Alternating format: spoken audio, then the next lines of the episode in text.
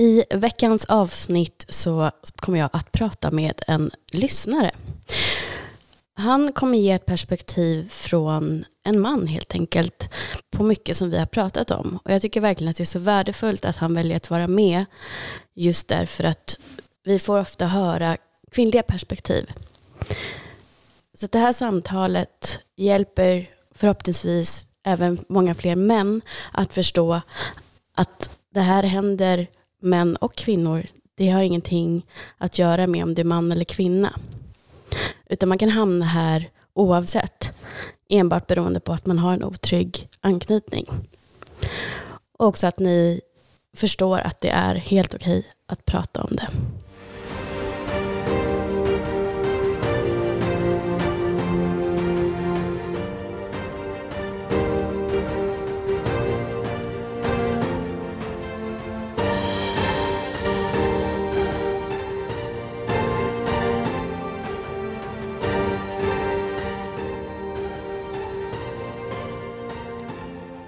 Varmt välkomna tillbaka till ännu ett avsnitt av Bakom fasaden-podden.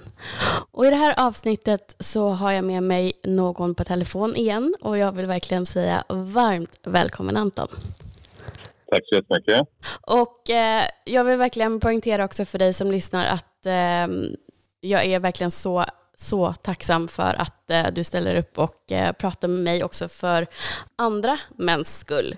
Eftersom jag vet ju bara hur mycket skuld och skam det har funnits i mig som kvinna och har känt mig misslyckad för att jag har hamnat i destruktiva relationer.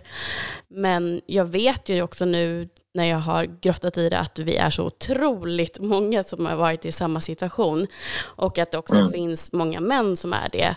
Men att det lyfts inte upp lika mycket i media och social media och så vidare. Så att verkligen värdefullt att du är med idag. Ja, tack så jättemycket. Och, jag kan bara säga snabbt att eh, just när du sa det om eh, om att det inte lyfts upp riktigt. Det räcker ju egentligen att gå in på Aftonbladet, appen där och så, så finns det ju alltid någonting som det står om eh, både fysiskt och psykisk misshandel vad det gäller eh, kvinnor och så finns det liksom alltid linjer man kan ringa. Och det, det känns som att, eh, att eh, vad ska jag säga, att liksom, man lyfter liksom inte upp det riktigt att även en liksom, giftrelation eller en psykisk misshandel, den, den finns ju bland män också. Mm. Absolut. Ja.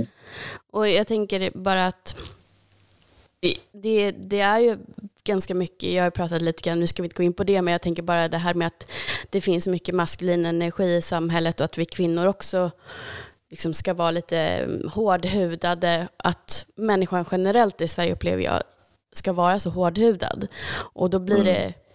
på något sätt en ökad skam också för att man har tillåtit någon att komma en nära och sen göra illa en på det här sättet. Fast i grund och botten så handlar det inte alls om det. Så det blir också fel, fel tankar som kopplas ihop med det när man utsätts för det, upplever jag.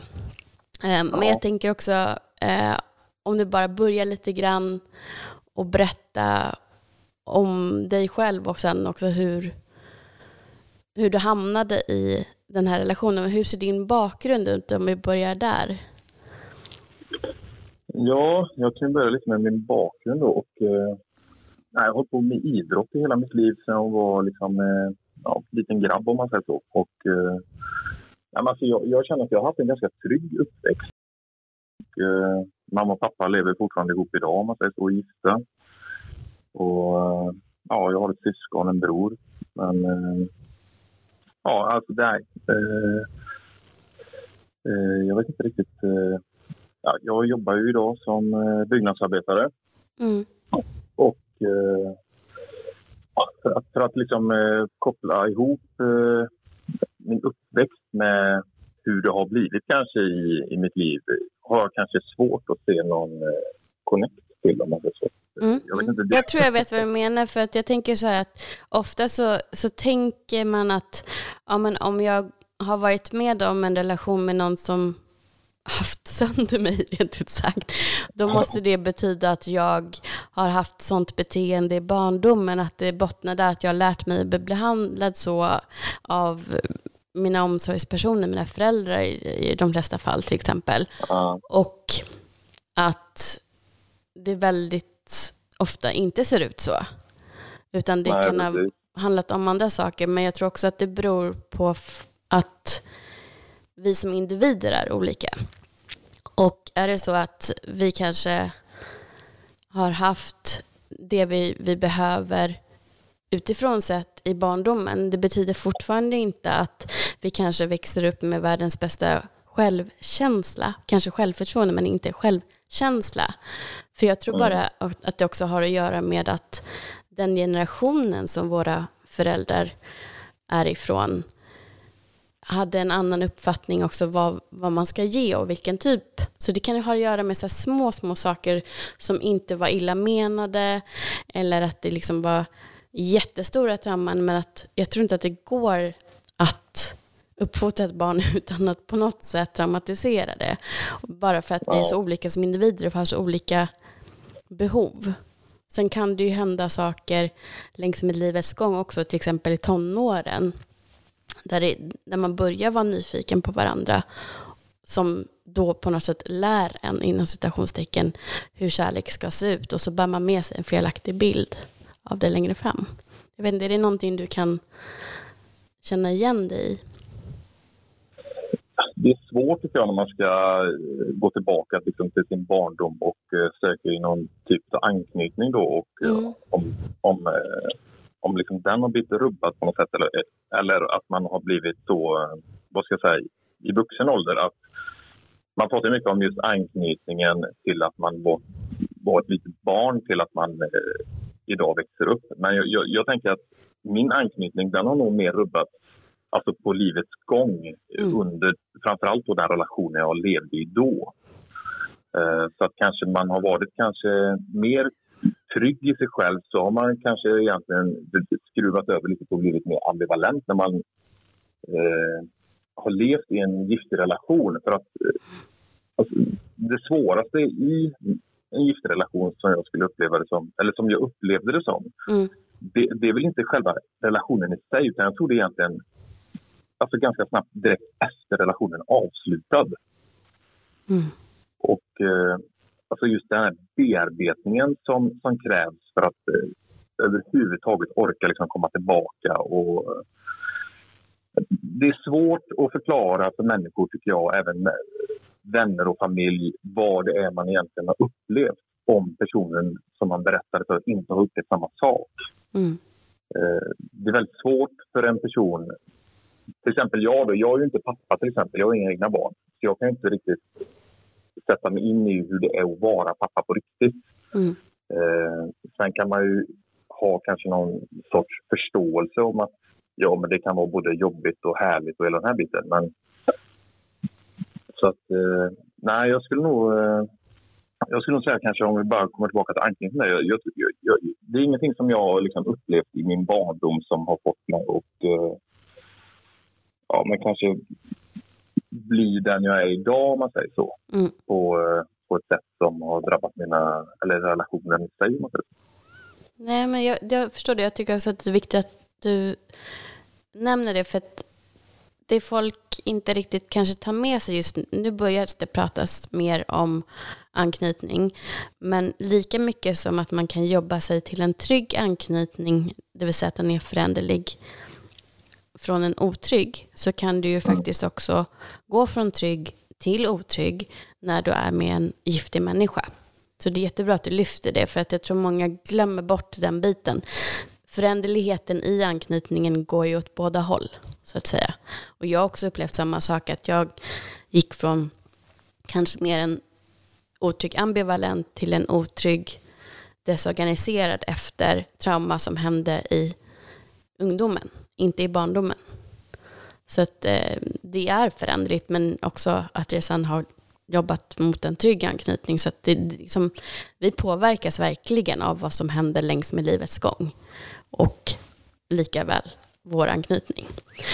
Men eh, om vi ska prata lite mer då om just den här relationen. Hur ser Mm. den historien ut? Ja, den såg ut så att eh, jag hade ju nej, men jag hade dejtat en del alltså, det hade jag gjort. Och så då hade jag ju haft den här eh, appen Tinder som man känner igen. Mm.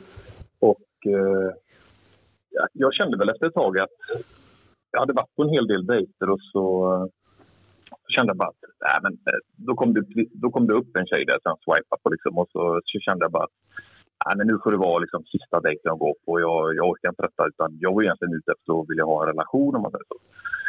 Eh, så att, eh, nej men det blev att vi sågs och eh, ja, jag kände väl ganska snabbt att, eh, att det, det var någonting där som kändes alltså konstigt men ändå på något sätt härligt. Eh, det var inget, det var liksom en fika bara men eh, jag följer såklart för hennes utseende och ja, men just det också jag var ganska mätt och trött på att dejta så jag kände liksom att ja, men vi ger det en seriös chans. Mm. Och eh, ja, men, jag flög ganska snabbt in på de här rosa molnen och att eh, alltså man, man, man, kände att man levde liksom i en förälskelsefas som, som egentligen var nu då i efterhand falsk. Och eh, den här liksom drömmen om att kanske få en relation och en familj den på något sätt levde man i hoppet om att det skulle liksom infria sig. Mer än att kanske se till sig själv hur, hur man faktiskt mådde i relationen och ställa liksom frågan till sig själv. Hur mår jag och, och vad vill jag och, och, allt som har med det att göra. Mm. Eh, men de sakerna som, som var absolut jobbigast i den här eh, relationen det var väl egentligen de här små, små pikarna hela tiden om att ja, man inte var tillräckligt bra, att saker man hade gjort inte blev på tillräckligt bra sätt. Och det, det, var liksom, det var inte kommentarer rakt ut om att eh, fan vad dåligt det här blev, utan det var liksom att var det någonting så, så, sa, så sa hon det på ett sätt som fick mig att känna mig liksom inte värdefull i hennes liv. Mm. Eh, fast det hon ändå var ute efter det var ju för att jag skulle prestera mer. Mm. Eh, vi kunde liksom sitta i bilen och ja, helt plötsligt kunde hon säga bara att eh, du kör så jävla dåligt, det är bättre att jag kör. Stanna på motorvägen liksom.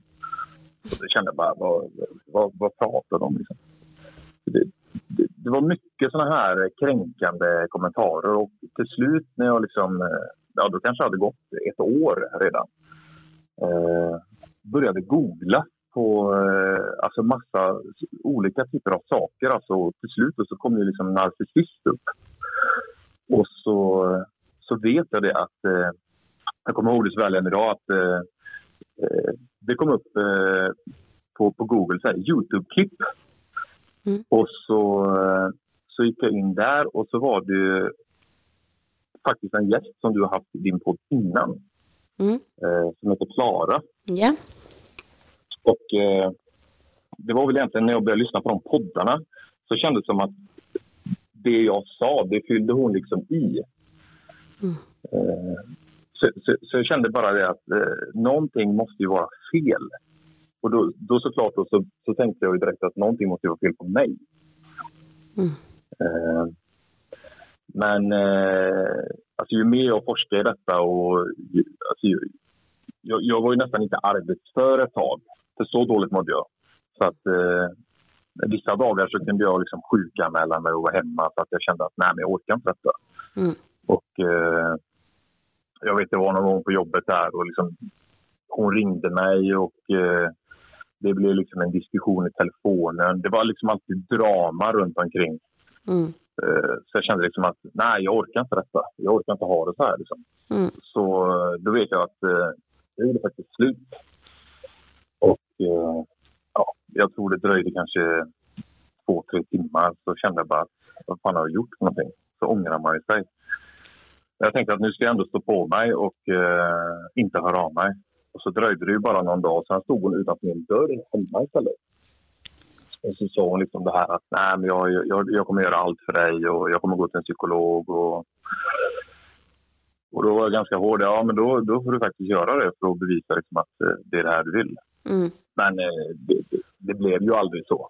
Hon var ju aldrig hos psykolog och jag tog ju tillbaka henne också. Mm. Att, eh, ja, det var, det var tufft alltså och det pågick i tre år det här. Var det Och, av eh, och på hela tiden att ni gjorde slut och blev tillsammans? Eller när började Var det efter ett år ungefär som ni gjorde slut första gången? Ja, det var, det var ungefär ett år, men det, det var ju liksom, det var ju liksom aldrig slut. Det var, det, det var, det var ju liksom bara några dagar. Mm. Men sen har det liksom inte varit av och på när det gäller eh, just göra slut eller vara tillsammans. Utan det som har varit av och på, det är väl egentligen den här eh, känslan ifrån henne att så som jag upplevde att hon tyckte om mig. Att ena dagen så... Det, kunde egentligen, det, det pågick liksom i cykler. Det är lättare att se det nu i efterhand än när man levde i det. Det kunde vara liksom två veckor som det var superbra. Och, man kunde vakna på morgonen och hon gör frukost och man går upp. Liksom, det är nästan som att man är med i en film. Alltså. Mm. Och så känner man liksom bara världens glädje och mår hur bra som helst. För att senare då, kanske efter två veckor, så vet, jag vet när jag kom hem till henne någon gång där då, så, så visste man inte ens vilket humör hon var på. Eh, och så bad de mig liksom åka hem. Och jag förstod ingenting, för då var man ju, man svävade på de här molnen då helt plötsligt. Mm. Och sen eh, kanske jag hade kommit halvvägs. Och då ringde hon till mig och sa, varför åker du? Och då sa jag, det, men du, du har ju liksom bett mig att åka. Nej, men älskling, det, det har jag inte sagt. Skärp dig nu, kom tillbaka. Så, då vände jag ju liksom bilen och stötte tillbaka till henne igen. För att mötas liksom av en kall blick. Där det var, eh, varför åkte du hem? Varför beter du dig så här mot mig? Och så du vet den här kommentaren att man är så jävla konstig och att man inte är en riktig man och att man är mycket, mycket sämre än vad hon var. Så hon brukar jämföra mig som en vågskål sådär. Att eh, jag tänker en sån här gammaldags, gammaldags våg då, som man väger i så, så berättar hon ju alltid att Nej, men Anton, du är liksom här nere på den här nivån. Jag är ju mycket, mycket bättre än dig. Så jag är ju här uppe. Du måste skärpa dig för att bli en riktig man. Liksom. Och det, du vet sådana här kommentarer som som folk hade hört kanske direkt i förhållandet så hade man ju liksom sett vad är det här för en eh, människa. Liksom, så hade man ju aldrig träffat den. Men när man väl lever i, i det här så, så blir det liksom vardagsmat för mig. Att jag sög in med allt det här Mm. och liksom fick mig att må sämre och sämre. Från att, kanske vara, eller från att vara en kille då som tränar väldigt mycket och ja, men käkar nyttigt, tog hand om mig själv så, så har jag faktiskt en före och en efterbild hur jag, hur jag faktiskt såg ut efter de här tre åren och innan. Och eh, då kunde jag verkligen se liksom att, eh, hur dåligt jag faktiskt har mått. Och eh, det som jag tyckte var väldigt jobbigt det var ju när mina vänner liksom förstod att ja, men det här är något fel. Det här är en relation som inte du trivs i. Anton. Det, det här fungerar inte. Men att då liksom gå i försvar för den här kvinnan och säga liksom, nej, ni har fel. Mm. Eh, det förstår jag faktiskt inte ens än idag att jag gjorde. För att de hade ju så rätt. Men det är väl lite det här att med att det blir en traumatisk bindning som likställs med ett beroende, alltså ett drogberoende. Det är det som är så svårt att förstå för att du blir som en annan person. För att du jagar hela tiden kickarna som du får när personen är snäll mot dig och du får komma upp på de här liksom, rosa molnen. Och sen så, så blir det sådana djupa dalar när de är elaka mot den. Och då jagar man kicken igen för att allt ska bli bra. Så att du, du blir så styrd av drogen i den här formen av en människa. Så att du agerar annorlunda än vem du är egentligen. Och det är det som är så svårt att förstå också utifrån när man, alltså människor runt omkring en. Liksom, varför gjorde du det här? Du, du måste ju ha sett att det var dåligt och du mådde ju dåligt. Jo, men du mår ju också otroligt bra när det väl är bra. Så att du, blir, du skapar ett kemiskt beroende av den här kicken i ditt huvud. Precis. Ja, det, var, det var precis så jag kände. Liksom. Jag vet, det var många gånger jag vaknade på morgonen. Du vet, så, så hade jag så svårt att öppna munnen. Så kände jag liksom, det måste vara något fel. Jag behöver gå till tandläkaren. Men det här pågick ju under en ganska lång period. Jag kände mig så stel. Du förstod jag sen. Det är, liksom, det är den inre stressen liksom, i min kropp. Mm. Alltså jag var ju så stressad hela, hela tiden. Så att mina käkar hade nästan låst sig på morgonen när jag vaknade. Jag var så liksom stel. Och jag var stel hela min kropp. Eh, det jag skulle säga var ju att precis det du sa nu om att man lever på de här eh, kickarna. Det var ju precis det jag gjorde. Och det är väldigt intressant det för att jag vet jag lyssnade på någon intervju med Gudrun Schyman en gång för eh, några år sedan och då hade hon ju sagt det att kvinnor ofta faller tillbaka till män som eh, har misshandlat dem antingen psykiskt eller fysiskt eller, eller båda två. Jag förstod aldrig det där. Var, varför går man tillbaka till en människa liksom som, som behandlar en illa? Mm. Och varför är man kvar? Mm. Men det förstår jag ju idag. Och eh, att hamna där, där du liksom eh, känner att du vill ur relationen men när det är som, som bäst i den, om man säger så, i den gifta relationen så finns det ingenting som är bättre. Mm. Alltså det, det, är verkligen som en drog alltså, mm. att, eh, att hamna i det här. Och, jag, jag har faktiskt väldigt svårt att förstå liksom, att jag hamnade där överhuvudtaget. Mm. Men jag tror också att jag drabbades ganska snabbt av den här drömmen och hoppet liksom, om att verkligen få den där familjen och kanske liksom, eh, närheten av en person som faktiskt tycker om mig för den jag är. Mm. Men eh, det jag egentligen gjorde i relationen det är ju att jag gjorde så extremt mycket eh, alltså för den här personen jag var med. Eh, och egentligen glömde av mig själv. Eh, jag förlorade mig själv helt och hållet. Till slut blev det som att jag hade en blodigel liksom på ryggen som bara sög ur energi från mig hela, hela tiden. Och ju mer jag liksom försökte få bort den, desto svårare blev det. Liksom. Mm. Jag, brukar, jag brukar säga att ett bra förhållande det ska ju vara ungefär som ett EKG. Det ska ju vara liksom lite dippa neråt, men ganska kraftigt uppåt. Men det ska hålla en ganska jämn och stadig linje framåt. Mm. Eh, det här var liksom bara rakt ner hela tiden. Men sen när det var som sämst i relationen, det gick extremt snabbt uppåt. Mm. Bara därför att hon visste ju precis då att okej, okay, nu mår han som sämst, nu måste jag höja han. Och då blev jag liksom glad och började på något sätt få något men välbefinnande i kroppen. Och när hon såg det, då skulle hon trycka ner mig igen. För det var hela tiden upp och ner, upp och ner. Va?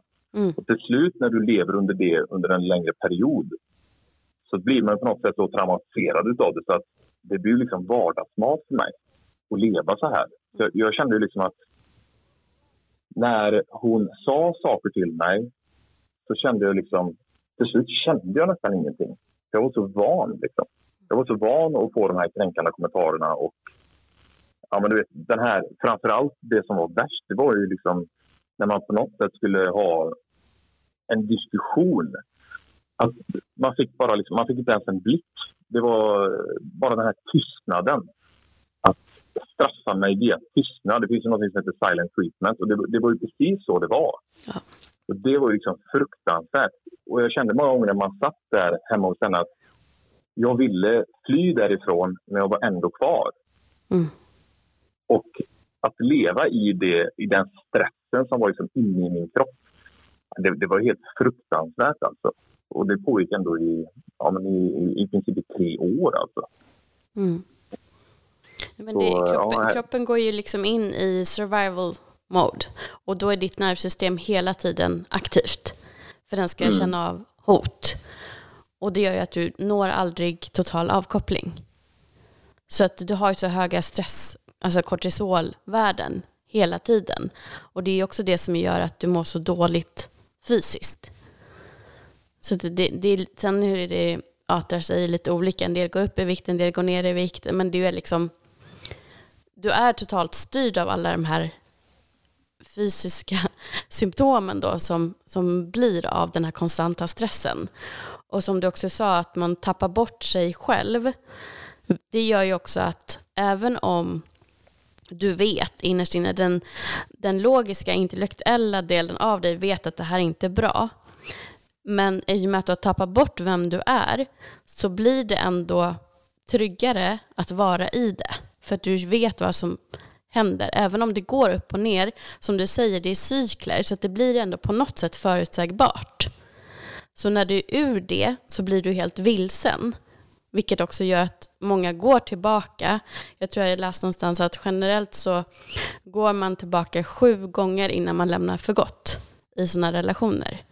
Just därför att det är ett sånt sug tillbaka till det som känns förutsägbart och bekant och därmed tryggt fast det egentligen inte alls är tryggt. Så det förklarar ju också det du berättar rent eh, liksom forskningsmässigt.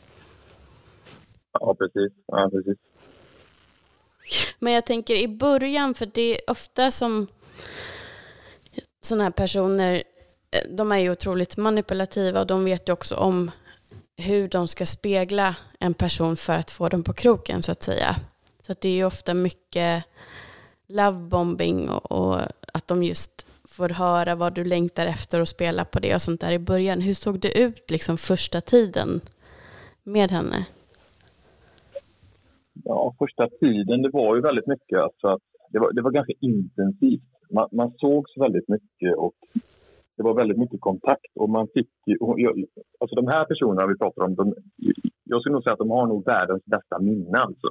Mm. Därför att eh, de kommer ihåg precis allting man har sagt för att sen kunna liksom vända det emot en själv. Absolut. Eh, och de snappar ju upp, precis som du sa innan här nu, att de snappar upp väldigt mycket saker och detaljer om mig som person för att exakt veta hur de ska liksom få mig att känna mig sedd men också hur de vet hur de ska liksom trycka ner mig om man säger så. Mm. Saker jag inte gillar och, och, och saker jag tycker om. om så. Så jag skulle säga att det, det, var väldigt intensivt i början. Telefonkontakt, det, det var eh, väldigt mycket närhet, intimitet eh, alltså på ett gränslöst sätt. Liksom, var, när, hur, det spelade liksom ingen roll. Bara man fick liksom den här närheten. För att det blir oftast i de här relationerna att det som fungerar, det är oftast eh, när man har sex. För att mm. då blir det att det är den enda närheten du får. Där du verkligen känner att man är ett ihop. Mm.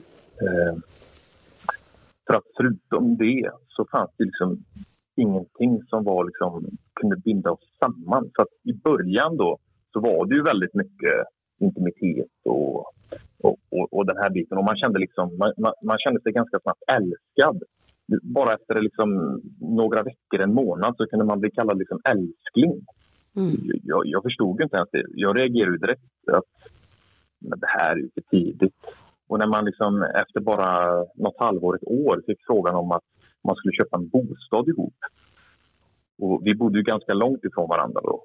Eh, så att det blir ofta så att man står på helgerna och ja, efter jobbet och, och sådär. Så att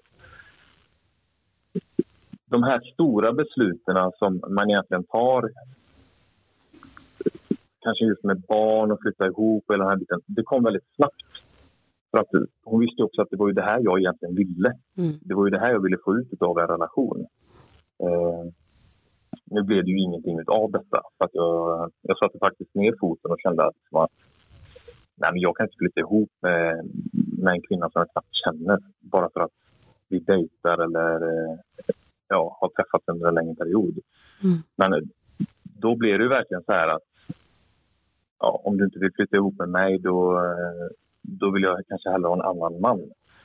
Så istället då när hon, hon flyttade faktiskt själv sen då var jag där istället och renovera i hennes hus och liksom försökte ja, men vara delaktig i, i uppbyggnaden av vad jag trodde var vår framtid.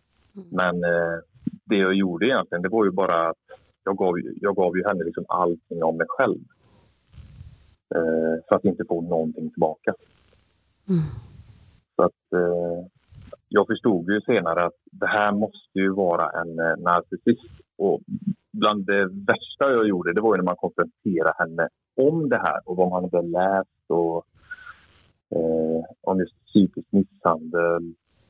Alltså det, det, det blev liksom kaos eh, när man tog upp det här. Och ja, Man blev utslängd från hennes lägenhet. Och, eh, alltså man, man, när man blir utslängd från, från ett hem eh, där man tror att man ska ha någon typ av delaktighet. Det är liksom en fruktansvärd känsla när du står där utanför och man hör ändå hur hon skrattar inne i lägenheten när hon liksom har slängt ut mig. Och där står jag och har inte en aning om vad jag ska ta, ta vägen eller vad jag ens ska säga. Mm. Så, så den här liksom känslan av att känna sig helt värdelös det var liksom den känslan som fanns inuti mig. Alltså det kvittade vad jag gjorde, vad jag sa, så kände man aldrig att man dög. Så ett tag vet jag att hur ska jag få alltså jag tänkte liksom, hur ska jag få henne att se mig, känna mig och liksom...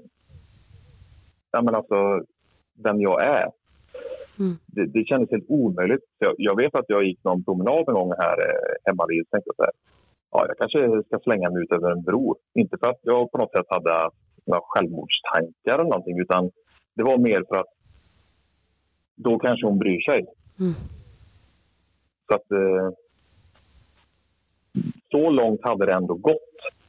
Och eh, jag vet, när du tog upp det där med att de är experter på att manipulera och, och den biten så kände jag, eller jag fick höra det av min, eh, min mamma faktiskt, att hon hade ju till och med försökt att vända alltså min egen familj emot mig. Och wow. att de skulle lyssna på henne och att eh,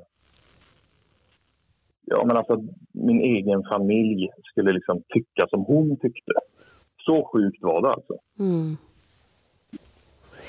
Jag tror det är otroligt vanligt och tyvärr så är det ju så att eh, både ens egen familj och andra runt omkring, beroende på hur öppen man är med relationen, de ser ju sällan den sidan som vi får se, som råkar ut som är offer för dem.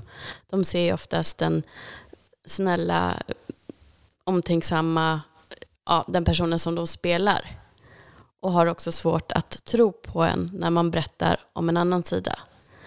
Plus att, som du sa förut, att du försvarade henne. Jag menar, jag känner igen det här så väl. Jag försvarade ju honom med näbbar och klor. Han som jag var mm. med nu senast. För att jag också ville inte att folk skulle tro att jag hade valt en person som var så dålig. Utan jag ville liksom förklara, nej men det här har att göra med att han Eh, är otrygg eller nej men det är inte som du tror. Och då blir det ännu mer skamfyllt sen att säga, fast han gjorde även det här och det här som var elakt. Att jag kände mig dum. Jag, jag skämdes jättemycket i slutet och jag tror att det, det blir svårt för att du har berättat en annan historia för folk runt omkring dig. För att du vill inte ses som misslyckad på något sätt. Eller det här var min upplevelse i alla fall. Eh, men samtidigt när du går ur det så behöver du stöd i vad som faktiskt har hänt. Och om de inte har sett den sidan av personen så kan det vara svårt ibland att bli trodd. Och framförallt kan jag tänka mig för, för er män att det kan bli svårt att bli trodd att det händer er också. Ja, det, det håller jag med om. Jag, jag, precis som jag sa till dig eh, inledningsvis innan vi började podda så var det ju det här med den här skammen och eh, det, det, som män bär runt på. Jag, jag, tror, för mig var det så att man tänkte att man var fysiskt överlägsen och att en man ska liksom, han ska liksom vara stor och stark och kunna stå upp för sig själv och, och hela den här biten. Mm. Och att en kvinna ska kunna bryta ner en man. Liksom det, många tänker att nej, fan, det finns inte på världskartan. Alltså, då, då lämnar jag henne och det finns fler. Men, men jag, kan, jag, jag kan säga att den starkaste mannen kan även drabbas av det här. Mm. Därför det, det, har liksom ingenting med någon, eh, vad ska jag säga, med, någon styrka att göra i sig. Mm. Det som är så svårt att, att få liksom män att förstå, kan jag tycka, det, och även mig själv, det är ju att alltså man kan hamna i det här trots, oavsett, eller oavsett ska man säga, vilken typ av person man än är. Mm. Eh, och jag tror att skammen är nog på grund utav eh, att, att man känner liksom det ska inte vara så här lite slentrianaktigt liksom att en kvinna och man lever ihop och mannen han är den starka och kvinnan är den underlägsna. Mm. Eh, det här gamla tänket om man säger så. Mm. Det har nog följt med in i nutiden istället för den här jämställdheten att det faktiskt är lika och att eh, båda kan drabbas lika hårt. Mm. Eh, och jag tror att mörkertalet bland oss män är skyhöga värden alltså om man eh, jämför med vad man läser fakta idag. Mm. Eh, så att eh, det man läser oftast om det är ju att kvinnor har blivit eh, psykiskt och fysiskt misshandlade. Och att det liksom finns ju jourer och linjer man kan ringa till. Men det står nästan ingenting om män. Men det är också på grund av att män inte kommer ut med det. Mm. just den här att man skäms så mycket. Mm. Hur man har kunnat tillåta sig att liksom nedvärderad på ett sånt elakt sätt. Mm. Men jag har läst någonstans också, nu vet jag inte exakt hur forskningsbaserat det var, men jag, jag kommer ihåg det så väl att det stod att den typen av människa som liksom eh, själv får energi av att bryta ner andra, det vill säga narcissister, ehm, de vänder sig ofta också till människor som är starkare än de själva rent mentalt. Därför att det blir en större erövning och det blir mer energi till dem på något sätt. För jag kommer också ihåg att när jag var väldigt ung så var det en kvinna i vår närhet som jag såg som riktigt sån där power woman, liksom, som hade ja. jättestatusjobb och jag tyckte hon var, hade väldigt mycket pondus och jag tyckte hon var jättehäftig. Och hon berättade att hon hade varit i en relation innan den hon var i nu med en man som hade misshandlat henne fysiskt. Och jag fick inte ihop det överhuvudtaget och jag var väl kanske nedre tonåren, någonting sånt. Men nu så får jag ihop det, för jag, jag ser verkligen sambandet med att om det är en, en sån kvinna eller en man som man tänker så här, men de är egentligen starkare än mig. Om det då blir som en igel, som, som jag tycker var en så bra referens, som ska liksom suga ur, då har ju de ännu mer energi att ta ifrån de som är starka. Och då blir det väl förmodligen, så sjukt som den är, en större tillfredsställelse att bryta ner den personen. Tyvärr. Men de, de tänker ju så, alltså det, är så, det går ju inte riktigt, vi kommer ju aldrig förstå hur de är funtade. Men så tror, jag tror absolut på den tesen ändå att det är så på många sätt. För jag kommer ihåg att jag tänkte också så här att jag är starkare än honom rent mentalt. Mm. Men det var innan allting drog igång. Liksom.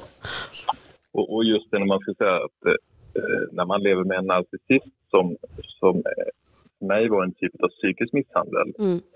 så, så sker ju det här inom stängda dörrar. Och det är ju ingenting som syns på liksom, min fasad utåt sett. Man har ju liksom inga blåmärken eller ärr eller någonting. Utan alla de här sakerna som blåmärken och ärr, det sitter ju på min insida. Exakt. Så det är ju ingen som kan se det. Eh, man brukar prata om att man blir blåmärkt. Mm. Och, men det tar också ett tag att förstå att man har blivit det. Så jag skulle säga liksom att det svåraste när man har levt med en narcissist under en längre period det är ju liksom vägen tillbaka när det har tagit slut. Och en sak som, som jag reagerade väldigt starkt på och som jag sen läste mig till då efter det hade hänt, det var ju att en narcissist, det är den som bestämmer när en relation ska få slut. Så mina alltså, tafattiga försök att liksom, avsluta det genererade ju egentligen bara i att man fick mer liksom, närhet och, och på något sätt den kärleken hon ville ge mig, den visade hon ju när jag ville göra slut. Mm. Så att jag gick ju tillbaka istället. Eh, men den dagen som hon gjorde slut så var det slut för alltid. Och sen den dagen har jag aldrig pratat med henne. Eh, det som eh, det som, eh, som, som, jag ska säga, som, eh, som syntes på mig, det var väl egentligen hur min vikt såg ut i kroppen. Vi pratar mycket om att eh, man kan gå ner i vikt och man kan gå upp i vikt. Jag var ganska vältränad ett tag där och vägde ungefär 92 kilo. Men efter de här tre åren så vägde jag 74 kilo och tränade ingenting istället. Oj. Därför att jag hade ingen energi till att knappt orka jobba eller jag inte ens träffa vänner. Och jag vet att eh, det är en, faktiskt en vän till mig som har berättat här efterhand att vi var och fika tillsammans. Eh, och mitt under fikan så ringde den här eh, kvinnan då som jag var tillsammans med och sa att du måste komma hem till mig. Då frågade jag vad är det som har hänt. Nej, men jag vill bara träffa dig. Ja visst, jag kommer direkt. Så vet, jag, jag drack inte ens upp kaffet utan jag slängde mig eh, i bilen och åkte de här sju milen för att träffa henne. Och sen när jag kom dit så, så kunde hon säga liksom, vad stressad du är. Ja, jag skyndade mig hit. Du, är det någonting som har hänt? Ja, nej, jag ville bara träffa dig. Okej. Okay. Ja, jag var i det modet att man kände sig lite hyperstressad och ja, man visste nästan inte var man skulle ta vägen. Och så säger hon, så, sen kan hon bara säga till mig liksom att ah, kan du inte bara bete dig som en riktig man? Va, vad menar du? säger Nej, men du, du är så stressad, kan du inte bara bete dig som en riktig man? Du vet, när, när man får det till sig då, då, då känner man så här, vad, vad är det som händer egentligen? Vilken, vad är det för värld jag lever i? Mm. Det blir liksom som en uppenbarelse fast man, alltså man spelar ändå med i den och man försöker ändå liksom göra det man kan göra för att relationen ska fungera. Men det enda man blir är liksom nedtryckt. Ja, du kan inte göra rätt, alltså, för att de vänder ju på vad du än gör. Anledningen till att man gör sådana där saker som rusar iväg är ju också därför att man vet att gör jag inte som de säger nu, då kommer jag få skit för det. Och då försöker man undvika smärtan i att få en bestraffning. Men sen får man ändå en bestraffning för att man gjorde det de bad en om. Det är det som är så svårt. Och I det här så kunde man också se liksom, i hennes ögon så kunde man ändå se på något sätt hur hon njöt av att faktiskt trycka ner mig. För att narcissister är ju väldigt medvetna om vad de faktiskt gör. Och alltså man såg på något sätt i hennes ögon att nej, det här tyckte hon liksom, det var rätt att göra mot mig. Och hon fick ju energi av att trycka ner mig. För att egentligen i grund och botten så mådde hon nog ganska dåligt som människa. Ja, ja, det gör och, och ta min energi och och försöka på något sätt bygga upp sig själv. När hon kunde se liksom att jag var underlägsen henne, det fick ju henne att växa. Mm. För att sen komma in i de här cyklerna hela tiden där man mådde bra, mådde dåligt, mådde bra. Och det var ju det som eh, på något sätt under en längre tid kunde bryta ner mig. Från att vara den här kanske nej, men ganska trygga människan i mig själv och kände liksom att livet var härligt och och liksom, jag gjorde vad jag ville när jag kom hem på dagarna efter jag hade jobbat och jag tränade och allting. Så helt plötsligt bara sluta med allting och kände liksom att ingenting var roligt. Mm. Ja, de, de tar liksom ens livslust till slut. Det är det. Men eh, jag tänker också, när det väl tog slut så blir man ju också väldigt förvirrad och vilsen. För att en traumatisk bindning tar ju inte slut för att de väljer att avsluta eller för att man själv eh, avslutar.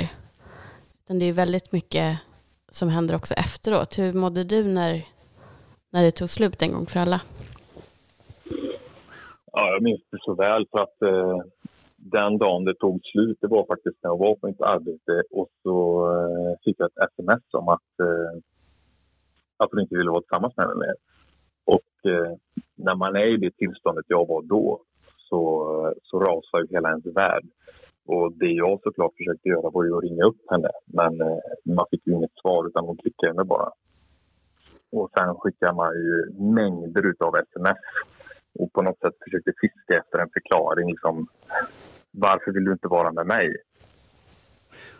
Mm. Och eh, jag vet att eh, det dröjde väl eh, kanske nej men, fem, sex timmar i alla fall, så fick man ett svar.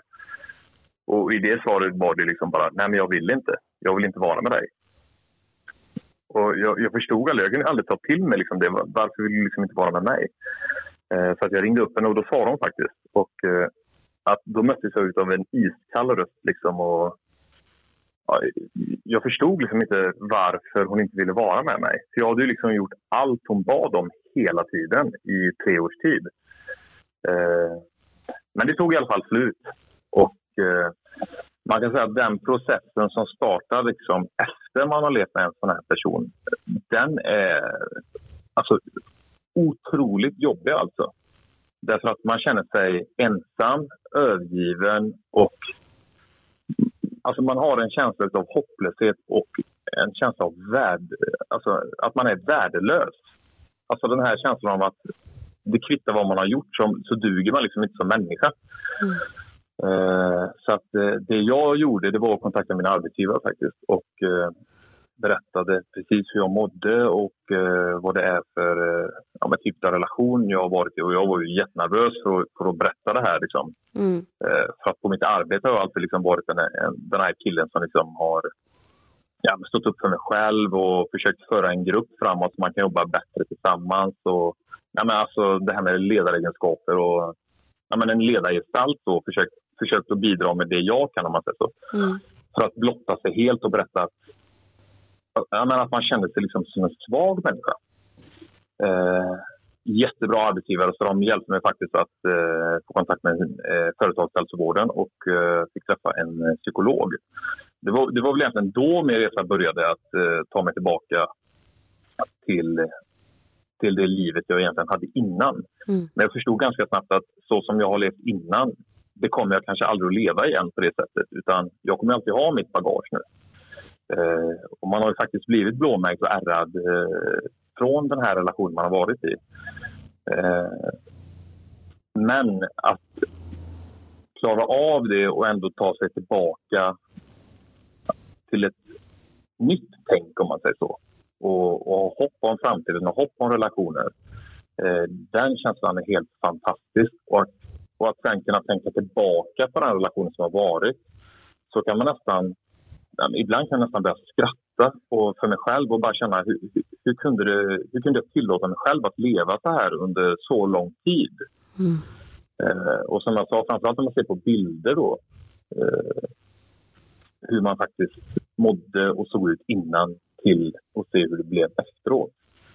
Alltså den, den där uppenbarelsen som, som blir inom mig att känna liksom, hur, hur kunde jag tillåta mig själv det här?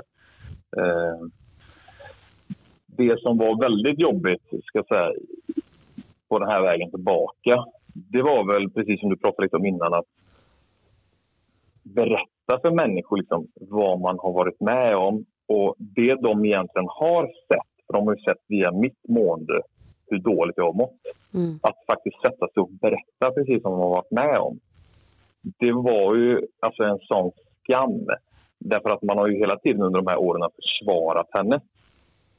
Och sen då berätta liksom att precis vad som hade hänt och hur det har gått till och hela den här biten. Alltså det, det var ju hemskt alltså. Men en fruktansvärt härlig befrielse efteråt. Eh, för det kändes liksom som man fick sin familj och, och vänner liksom ännu närmare sig. Och man kände liksom en tillhörighet till dem ännu starkare. Och då förstår man liksom att ens familj och ens vänner, liksom, det är de man ska värdesätta mest i livet. Och inte på någon som inte egentligen vill ha dig utan som egentligen bara utnyttjar dig. Mm. Uh, så jag vet, det dröjde, väl, eh, det dröjde väl ett år egentligen efter det hade tagit slut att jag kände att, att jag ville testa på och, och dejta igen.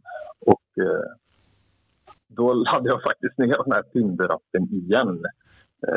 Jag kände liksom att Ja, men alltså det är ett lätt sätt idag att få kontakt med människor. Mm. Oavsett vad du har för intentioner, om du vill liksom ha ett förhållande eller om du vill träffas på en fika eller ja, vad det nu än är. Mm. Eh, så jag dejtade lite grann. Men det som, som jag upptäckte ganska snabbt det var att jag hade fått så många trigger, triggers i min kropp. Så att minsta lilla grej de här eh, kvinnorna som jag träffat sa, då kände jag bara direkt att det här är en psykopat.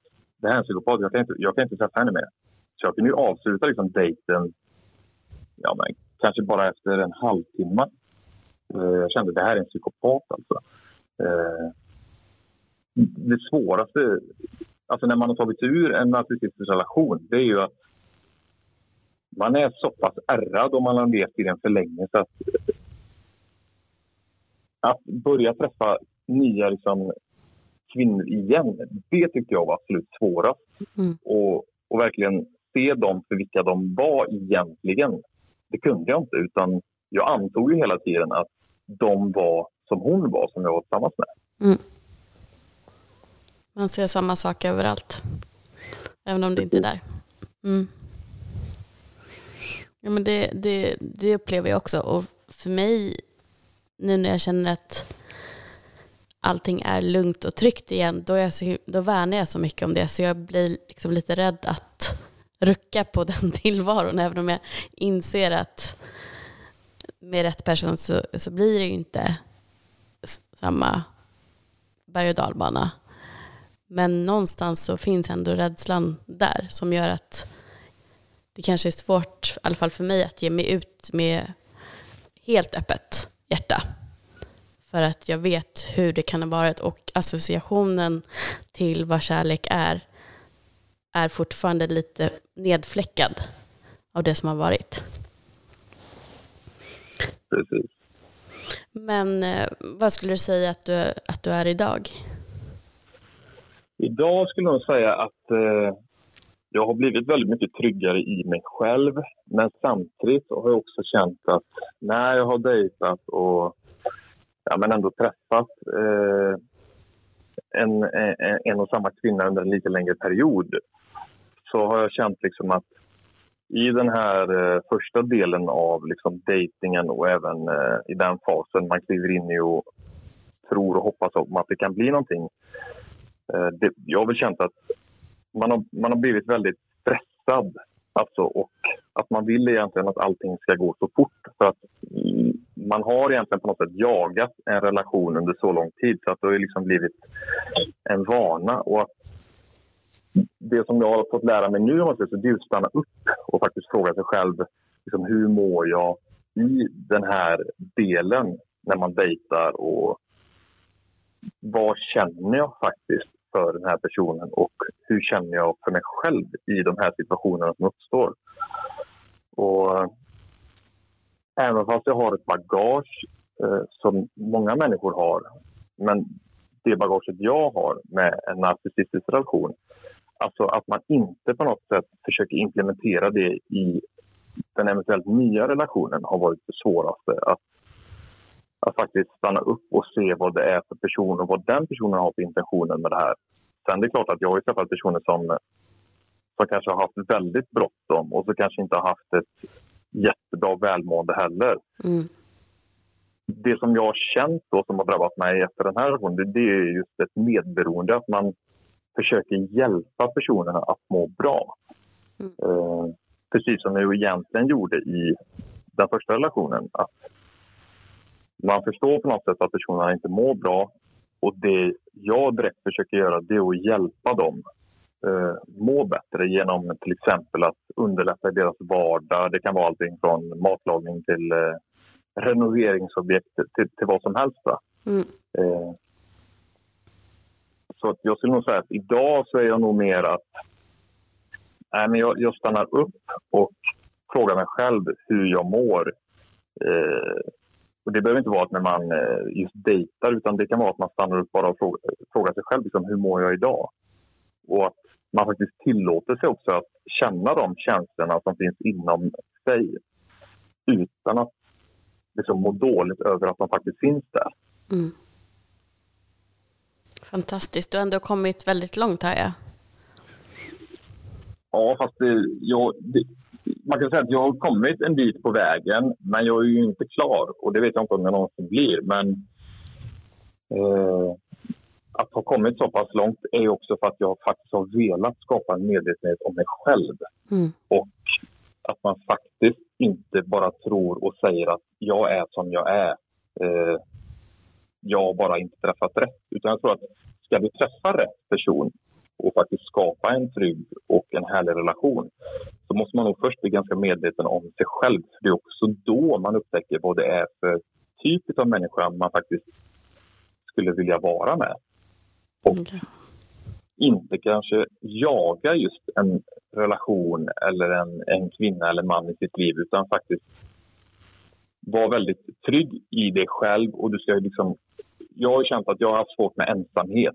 Jag har känt liksom att när fredagen kommer och helgen är där att jag kanske inte har bokat upp någonting, jag har inte haft någonting att se fram emot.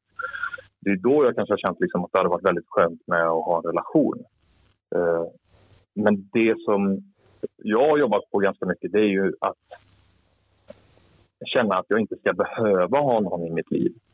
Alltså som får min tillvaro att kännas liksom behaglig och skön. Utan jag vill ju träffa en person som man kan addera saker till varandra mm. och alltså bygga en stark relation ifrån grunden med liksom utgångspunkten att vi är kanske olika men att vi ändå accepterar varandras olikheter för att skapa den här liksom ömsesidiga ja, kärleken på lång sikt och att man inte tror att det ska komma så snabbt och att man inte liksom jagar fram någonting utan antingen så är det rätt eller så är det fel. Men att om det är så att det inte är rätt, att, att den här liksom... Eh, vad ska jag säga, att man inte känner liksom att det är en enorm förlust utan man faktiskt kan acceptera liksom att Nej, men det här var inte rätt utan jag går vidare. Mm. Och att eh, man faktiskt, det som jag har gjort är att jag har inga, liksom, jag bestämde mig ganska tidigt att det här med datingappar det är liksom ingenting för mig utan jag vill träffas på ett liksom, naturligt sätt ute. Mm. Om det så är i mataffären på krogen eller via gemensamma vänner. Mm. Det har ju jag känt skapat en otrolig trygghet för mig själv. Därför att då kan man ju se personen och på något sätt få en bild av vad det kanske är för typ av människa. Mm. Eh, det tycker jag har varit väldigt svårt när man har dejtat via internet. Verkligen. Mm. Mm. Det har liksom stressat upp mig ganska mycket när man har sett personer. Att det går i, i de dejterna som jag har varit väldigt fort fram just när man träffas via ja, till exempel Tinder. Mm. Ja, nej, alltså jag tror att det, det som du säger nu, det, det är musik för många kvinnors öron också. För att det är exakt det här, den medvetenheten som jag vet att många, många av mina vänner och jag själv också upplever saknas i män i dagens samhälle. Men också att jag tror inte egentligen att det kanske saknas så mycket som vi upplever det, bara att det hörs inte och det syns inte lika mycket som de som är motsatsen, för de hörs mer helt enkelt, för de vill ha mer uppmärksamhet. Eh, så att det känns otroligt upplyftande att bara höra dina tankegångar. För det är exakt det som, som så många av oss söker. Eh, och det är också jättehäftigt att höra hur långt du har kommit efter det här helvetet, måste man ju ändå säga, som du har gått igenom. Ja, precis. Det, det, det, det är liksom ingen underdrift att kalla det helvete, för att det var precis så det var. Mm. Det, det är det, och det, det känns ibland...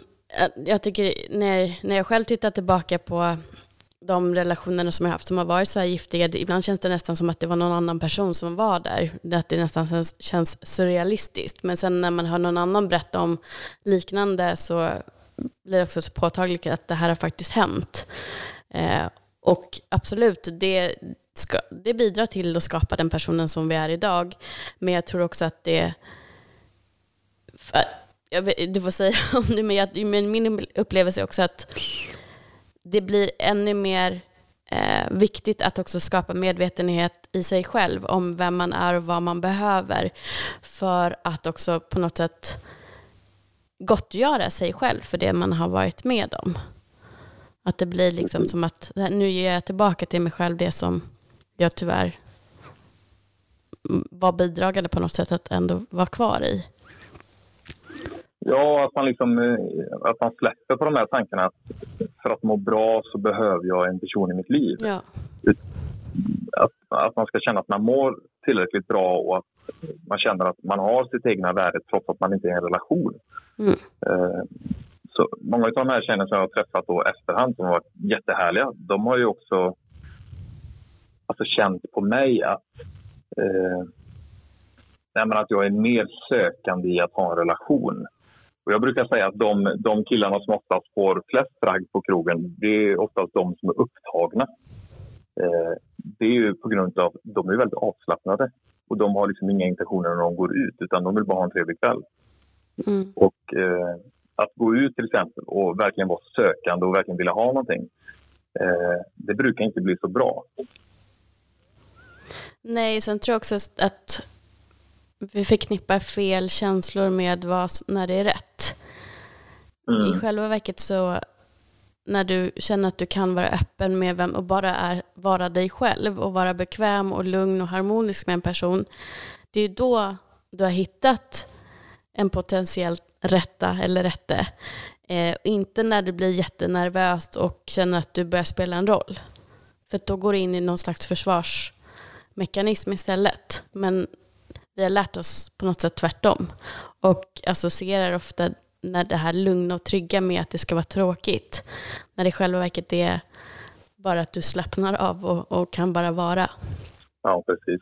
Och sen också när man, när man dejtar att man kanske ska bryta det där mönstret man kanske hade innan. Mm. Att de personerna man faktiskt drogs till eh, kanske inte alls de som man vill vara med. Fast man man dras till dem ändå för att det är ett beteende som, som sin hjärna liksom har vant sig vid. Exakt. Och vända den där trenden att man kanske ska söka sig och alltså, för, alltså se efter en annan typ av människa. Det kan man liksom inte göra förrän man har skapat en medvetenhet om sig själv. Nej. Det är först då man vet egentligen vad det är som man faktiskt mår bra utav. Mm. Precis så. Jättekloka tankar och ehm, tack så hemskt mycket för att du har varit med idag. Tack så jättemycket för att jag fick vara med.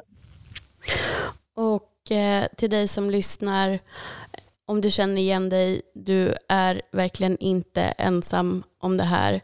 Hör gärna av dig om det är några tankar och eh, någonting du undrar över helt enkelt.